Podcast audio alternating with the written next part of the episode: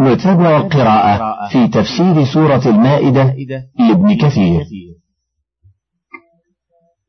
لا يؤاخذكم الله باللغو في أيمانكم ولكن يؤاخذكم بما عقدتم الأيمان. فكفارته إطعام عشرة مساكين من أوسط ما تطعمون أهليكم أو كسوتهم أو كسوتهم أو تحرير رقبة. فمن لم يجد فصيام ثلاثة أيام ذلك كفارة أيمانكم إذا حلفتم.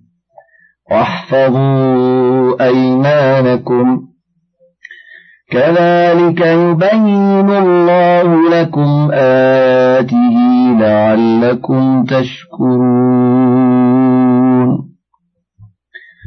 قد تقدم الكلام على اللغو في اليمين في سورة البقرة. بما أغنى عن إعادته ها هنا ولله الحمد والمنة وأنه قول الرجل في الكلام من غير قصد لا والله وبلى والله وهذا مذهب الشافعي.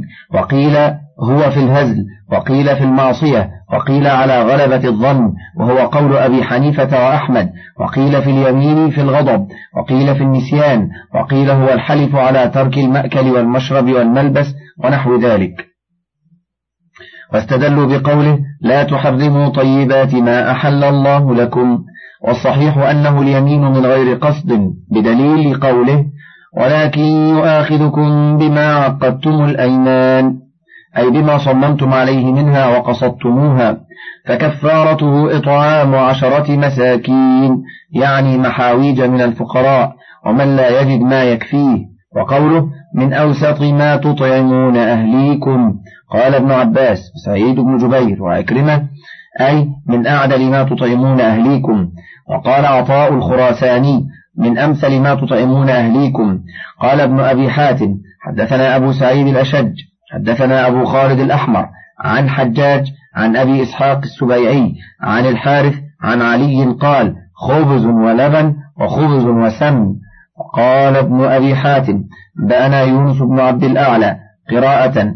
حدثنا سفيان بن عيينة عن سليمان يعني ابن أبي المغيرة عن سعيد بن جبير عن ابن عباس قال كان الرجل يقوت بعض أهله قوت دون وبعضهم قوتا فيه سعة. فقال الله تعالى من أوسط ما تطعمون أهليكم أي من الخبز والزيت. وحدثنا أبو سعيد الأشج حدثنا وكيع حدثنا إسرائيل عن جابر عن عامر عن ابن عباس من أوسط ما تطعمون أهليكم. قال من عسرهم ويسرهم. وحدثنا عبد الرحمن ابن خلف الحمصي. حدثنا محمد بن شعيب يعني ابن شابور.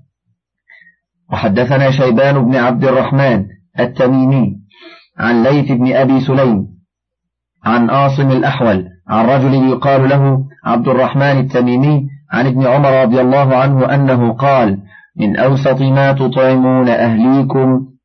قال الخبز واللحم والخبز والسمن والخبز واللبن والخبز والزيت والخبز والخل. وحدثنا علي بن حرب الموصلي حدثنا أبو معاوية عن عاصم عن ابن سيرين عن ابن عمر في قوله من أوسط ما تطعمون أهليكم. قال الخبز والسمن والخبز واللبن والخبز والزيت والخبز والتمر. ومن أفضل ما تطعمون أهليكم الخبز واللحم. ورواه ابن جرير عن هناد وابن وكيع كلاهما عن أبي معاوية ثم روى ابن جرير عن عبيدة والأسود وشريح. القاضي ومحمد بن سيرين والحسن والضحاك وأبي رزين أنهم قالوا نحو ذلك وحكاه ابن أبي حاتم عن مكحول أيضا واختار ابن جرير أن المراد بقوله من أوسط ما تطعمون أهليكم أي في القلة والكثرة. ثم اختلف العلماء في مقدار ما يطعمهم. فقال ابن أبي حاتم حدثنا أبو سعيد حدثنا أبو خالد الأحمر عن حجاج عن حسين الحارثي عن الشعبي عن الحارث عن علي رضي الله عنه في قوله من أوسط ما تطعمون أهليكم قال يغذيهم ويعشيهم. وقال الحسن ومحمد بن سيرين يكفيه أن يطعم عشرة مساكين أكلة واحدة خبزا ولحما. زاد الحسن فإن لم يجد فخبزا وسمنا ولبنا. فإن لم يجد خبزا وزيتا وخلا حتى يشبعوا. قال آخرون يطعم كل واحد من العشرة نصف صاع من بر أو تمر. ونحوهما. فهذا قول عمر وعلي وعائشة ومجاهد والشعبي وسعيد بن جبير وإبراهيم النخعي وميمون بن مهران وأبي مالك والضحاك والحكم ومكحول وأبي قلابة ومقاتل بن حيان. وقال أبو حنيفة نصف صاع بر وصاع مما عداه. وقد قال أبو بكر بن مردويه حدثنا محمد بن أحمد بن الحسن الثقفي حدثنا عبيد بن الحسن بن يوسف حدثنا محمد بن معاوية حدثنا زياد بن عبد الله بن الطفيل ابن سخبرة ابن أبي عائشة لأمه. حدثنا عمر بن يعلى عن المنهال بن عمرو عن سعيد بن جبير عن ابن عباس قال كفر رسول الله صلى الله عليه وسلم بصاع من تمر وأمر الناس به ومن لم يجد فنصف صاع من بر. ورواه ابن ماجه عن العباس بن يزيد عن زياد بن عبد الله بالبكاء عن عمر بن عبد الله بن يعلي الثقفي. عن المنهال بن عمرو به لا يصح هذا الحديث لحال عمر بن عبد الله هذا فإنه مجمع على ضعفه وذكروا أنه كان يشرب الخمر. وقال الدار قطني متروك. وقال ابن أبي حاتم حدثنا أبو سعيد الأشج حدثنا ابن إدريس عن داود يعني ابن أبي هند. عن أكرمة عن ابن عباس أنه قال مد من بر يعني لكل مسكين ومعه إدامه. ثم قال وروي عن ابن عمر وزيد بن ثابت وسعيد بن المسيب ومجاهد وعطاء وعكرمة وأبي الشعثاء والقاسم وسالم وأبي سلمة بن عبد الرحمن وسليمان بن يسار والحسن ومحمد بن سيرين والزهري نحو ذلك. لا يؤاخذكم الله باللغو في أيمانكم. الآية وقال الشافعي الواجب في كفارة اليمين مد بمد النبي صلى الله عليه وسلم لكل مسكين ولم يتعرض للأدم. واحتج بأمر النبي صلى الله عليه وسلم للذي جامع في رمضان بأن يطعم ستين مسكينا من مكتل يسع خمسة عشر صاعا لكل واحد منهم مد. وقد ورد حديث آخر صريح في ذلك. فقال أبو بكر بن مردويه حدثنا أحمد بن علي بن الحسن المقري حدثنا محمد بن إسحاق السراج حدثنا قتيبة بن سعيد حدثنا النضر بن زرارة الكوفي عن عبد الله بن عمر العمري عن نافع عن ابن عمر أن رسول الله صلى الله عليه وسلم كان يقيم كفارة اليمين مدا من حنطة بالمد الأول. إسناده ضعيف لحال النضر بن زرارة ابن عبد الأكرم الذهلي الكوفي. نزيل بلخ. قال فيه أبو حاتم الرازي هو مجهول مع أنه قد روى عنه غير واحد وذكره ابن حبان في الثقات. وقال روى عنه قتيبة بن سعيد أشياء مستقيمة فالله أعلم. ثم إن شيخه العمري ضعيف أيضا. وقال أحمد بن حنبل الواجب مد من بر أو مدان من غيره. والله أعلم. وقوله تعالى أو كسوتهم قال الشافعي رحمه الله لو دفع إلى كل واحد من العشرة ما يصدق عليه اسم الكسوة من قميص أو سراويل أو إزار أو عمامة أو مقنعة أجزأه ذلك. واختلف أصحابه في القلنسوة هل تجزئ أم لا؟ على وجهين. فمنهم من ذهب إلى الجواز احتجاجا بما رواه ابن أبي حاتم. حدثنا أبو سعيد الأشج وعمار بن خالد الواسطي قال حدثنا القاسم بن مالك عن محمد بن الزبير عن أبيه قال سألت عمران بن الحصين عن قوله أو كسوتهم؟ قال لو أن وفدا قدموا على أميركم فكساهم قلن سوى قلن سوى. قلتم قد كثوا ولكن هذا إسناد ضعيف لحال محمد بن الزبير. هذا والله أعلم. وهكذا حكى الشيخ أبو حامد الإسرائيلي في الخف وجهين أيضا والصحيح عدم الإجزاء. وقال مالك وأحمد بن حنبل لا بد أن يدفع إلى كل واحد منهم. من الكسوة ما يصح أن يصلى فيه. إن كان رجلا أو امرأة كل بحسبه الله أعلم. وقال العوفي عن ابن عباس عباءة لكل مسكين أو شملة. وقال مجاهد أدناه ثوب وأعلاه ما شئت. وقال ليث عن مجاهد يجزئ في كفارة اليمين كل شيء إلا التبان. وقال الحسن وأبو جعفر الباقر وعطاء وطاوس وإبراهيم النخعي وحماد بن أبي سليمان وأبو مالك ثوب ثوب. وعن إبراهيم النخعي أيضا ثوب جامع كالملحفة والرداء. ولا يرى الدرع والقميص والخمار ونحوه جامعا. وقال الأنصاري عن أشعث عن ابن سيرين والحسن ثوبان ثوبان. وقال الثوري عن داود بن أبي هند عن سعيد بن المسيب عمامة يلف بها رأسه وعباءة يلتحف بها. وقال ابن جرير حدثنا هناد حدثنا ابن المبارك عن عاصم الأحول عن ابن سيرين عن أبي موسى أنه حلف على يمين فكسى ثوبين من معقدة البحرين. وقال ابن مردويه حدثنا سليمان بن أحمد حدثنا أحمد بن المعلى حدثنا هشام بن عمار حدثنا إسماعيل بن عياش عن مقاتل بن سليمان عن أبي عثمان عن أبي عياض عن عائشة عن رسول الله صلى الله عليه وسلم في قوله أو كسوتهم قال عباءة لكل مسكين حديث غريب. وقوله أو تحرير رقبة أخذ أبو حنيفة بإطلاقها فقال تجزئ الكافرة كما تجزئ المؤمنة.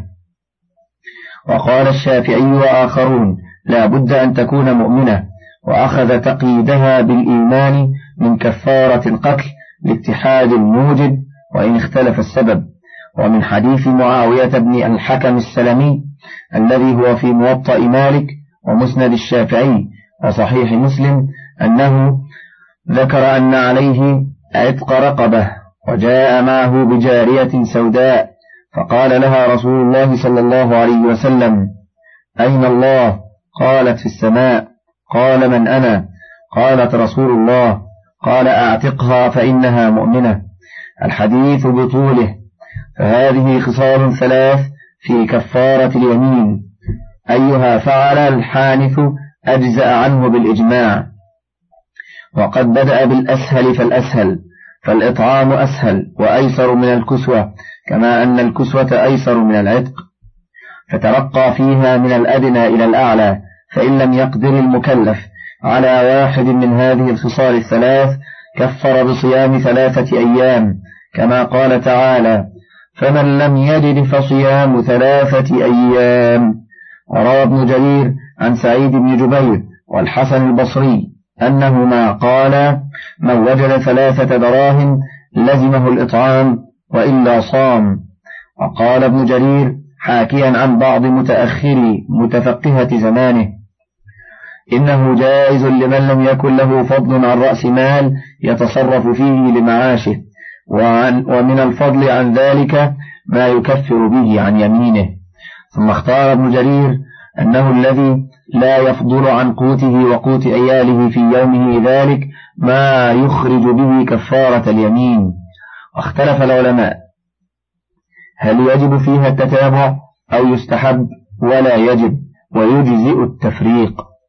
قولان أحدهما لا يجب وهذا منصوص الشافعي في كتاب الأيمان وهو قول مالك لإطلاق قوله فصيام ثلاثة أيام وهو صادق على المجموعة والمفرقة كما في قضاء رمضان لقوله فعدة من أيام أخر ونص الشافعي في موضع آخر في الأم على وجوب التتابع كما هو قول الحنفية والحنابلة لأنه قد روي عن أبي بن كعب.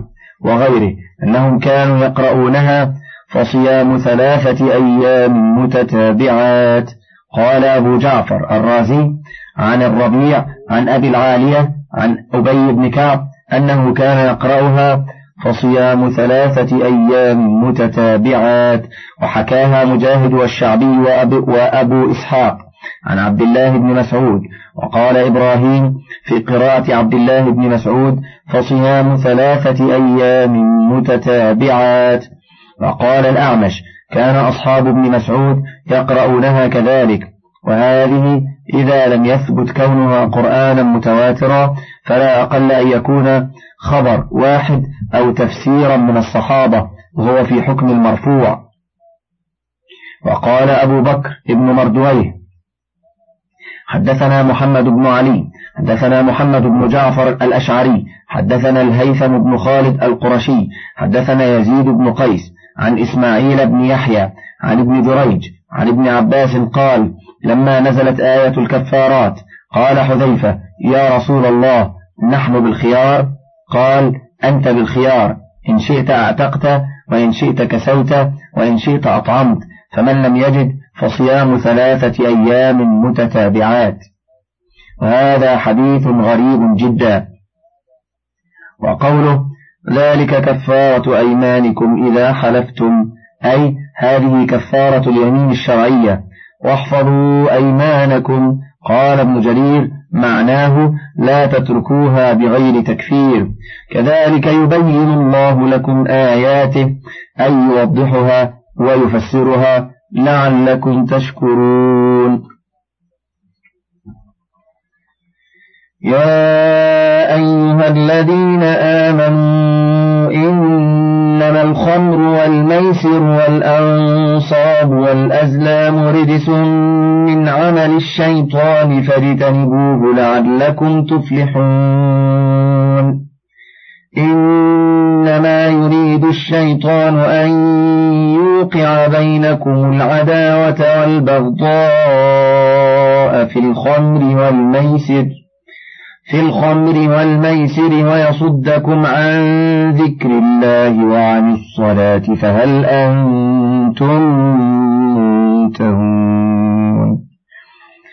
وأطيعوا الله وأطيعوا الرسول واحذروا فإن توليتم فاعلموا أنما على رسولنا البلاغ المبين. ليس على الذين آمنوا وعملوا الصالحات جناح فيما طعموا جناح فيما طعموا إذا ما اتقوا وآمنوا وعملوا الصالحات ثم اتقوا وآمنوا ثم اتقوا وآمنوا ثم اتقوا وأحسنوا والله يحب المحسنين. يقول تعالى ناهيا عباده المؤمنين عن تعاطي الخمر والميسر وهو القمار. وقد ورد عن أمير المؤمنين علي بن أبي طالب رضي الله عنه أنه قال الشطرنج من الميسر رواه ابن أبي حاتم عن أبيه عن عيسى بن مرحوم عن حاتم عن جعفر بن محمد عن أبيه عن علي به. وقال ابن أبي حاتم حدثنا محمد بن إسماعيل الأحمسي حدثنا وكيع عن سفيان عن ليث عن عطاء ومجاهد وطاوس قال سفيان أو اثنين منهم قالوا كل شيء من القمار فهو من الميسر حتى لعب الصبيان بالجوز وروي عن راشد بن سعد وضمرة ابن حبيب مثله وقال حتى الكعابة والجوز والجوزة والبيض التي تلعب بها الصبيان. وقال موسى بن عقبة عن نافع عن ابن عمر قال الميسر هو القمار.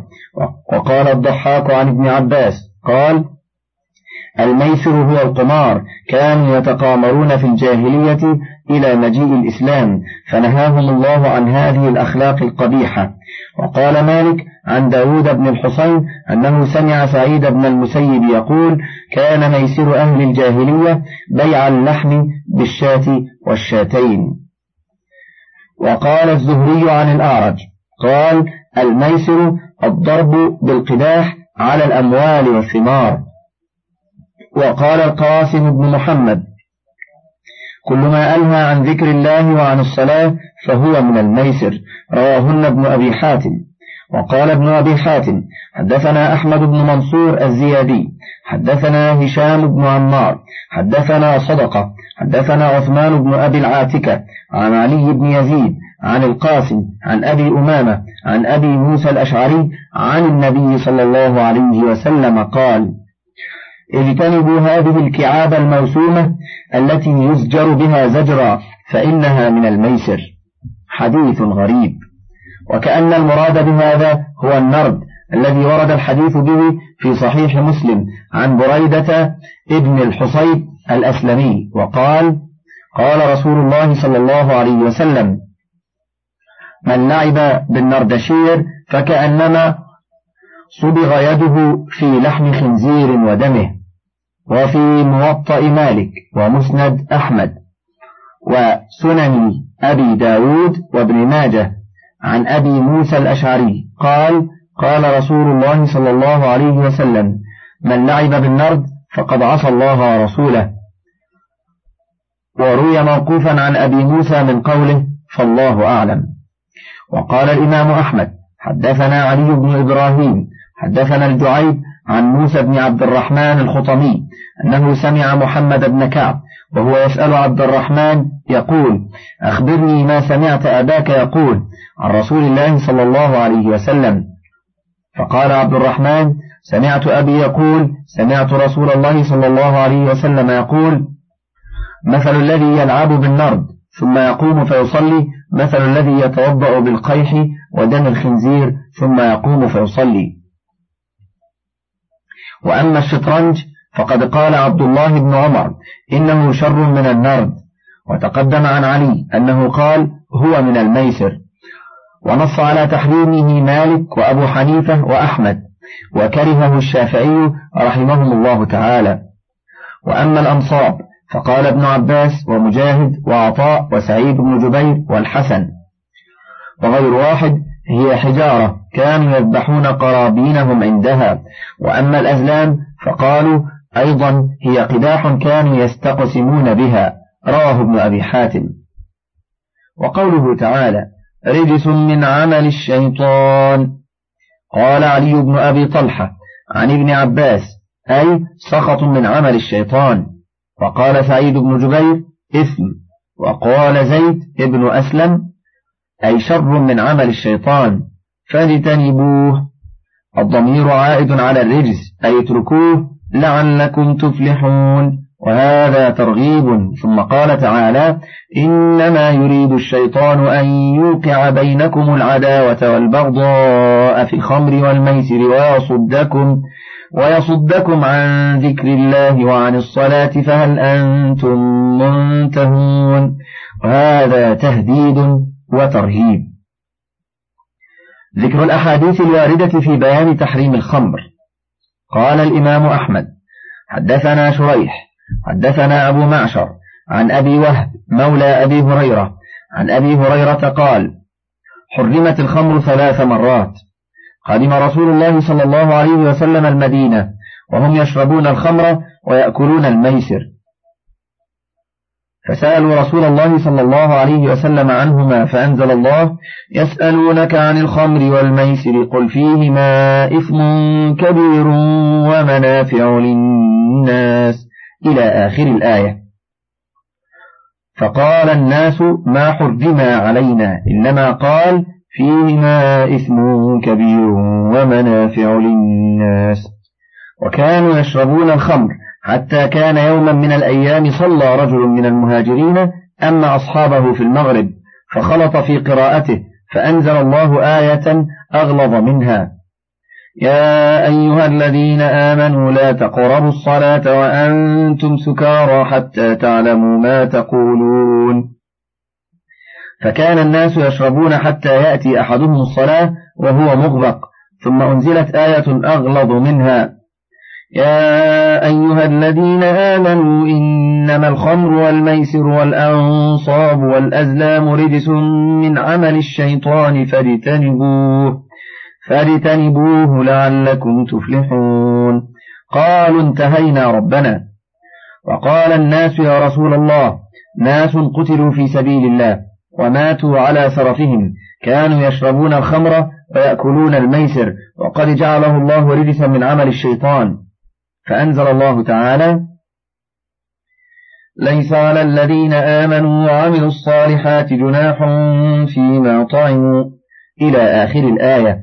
فقال النبي صلى الله عليه وسلم لو حرم عليهم لتركوه كما تركتم. انفرد به أحمد. وقال الإمام أحمد حدثنا خلف بن الوليد حدثنا إسرائيل عن أبي إسحاق عن أبي ميسرة عن عمر بن الخطاب أنه قال لما نزل تحريم الخمر قال اللهم بين لنا في الخمر بيانا شافيا. فنزلت الآية التي في البقرة. يسألونك عن الخمر والميسر قل فيهما إثم كبير. فدعي عمر فقرأت عليه فقال اللهم بين لنا في الخمر بيانا شافيا. فنزلت الآية التي في سورة النساء. يا أيها الذين آمنوا لا تقربوا الصلاة وأنتم سكارى. فكان منادي رسول الله صلى الله عليه وسلم إذا قال حي على الصلاة نادى لا يقربن الصلاة سكران. فدعي عمر فقرئت فقال اللهم بين لنا في الخمر بيانا شافيا. فنزلت الآية التي في المائدة فدعي عمر فقرئت عليه فلما بلغ قول الله تعالى فهل أنتم منتهون؟ قال عمر انتهينا انتهينا. وهكذا رواه أبو داود والترمذي والنسائي من طرق عن إسرائيل عن أبي إسحاق عمر بن عبد الله السبيعي وعن أبي ميسرة واسمه عمرو بن شرحبيل الهمداني عن عمر به وليس له عنه سواه. قال أبو زرعة ولم يسمع منه. وصحح هذا الحديث علي بن المديني والترمذي وقد ثبت في الصحيحين عن عمر بن الخطاب أنه قال في خطبته على منبر رسول الله صلى الله عليه وسلم أيها الناس إنه نزل تحريم الخمر وهي من خمسة العنب والتمر والعسل والحنطة والشعير والخمر ما خامر العقل. وقال البخاري حدثنا إسحاق بن إبراهيم حدثنا محمد بن بشر حدثنا عبد العزيز ابن عمر ابن عبد العزيز. حدثني نافع عن ابن عمر قال نزل تحريم الخمر وإن بالمدينة يومئذ لخمسة أشربة ما فيها شراب العنب. حديث آخر. قال أبو داود الطيالسي حدثنا محمد بن أبي حميد عن المصري يعني أبا طعمة. قارئ مصر. قال سمعت ابن عمر يقول نزلت في الخمر ثلاث آيات فأول شيء نزل يسألونك عن الخمر والميسر. الآية فقيل حرمت الخمر. فقالوا يا رسول الله دعنا ننتفع بها كما قال الله تعالى. قال فسكت عنهم ثم نزلت هذه الآية. لا تقربوا الصلاة وأنتم سكارى. فقيل حرمت الخمر. فقالوا يا رسول الله إنا لا نشربها قرب الصلاة. فسكت عنهم. ثم نزلت يا أيها الذين آمنوا إنما الخمر والميسر والأنصاب والأزلام رجس من عمل الشيطان فاجتنبوه الآيتين. فقال رسول الله صلى الله عليه وسلم حرمت الخمر. من فضلك تابع بقية المادة.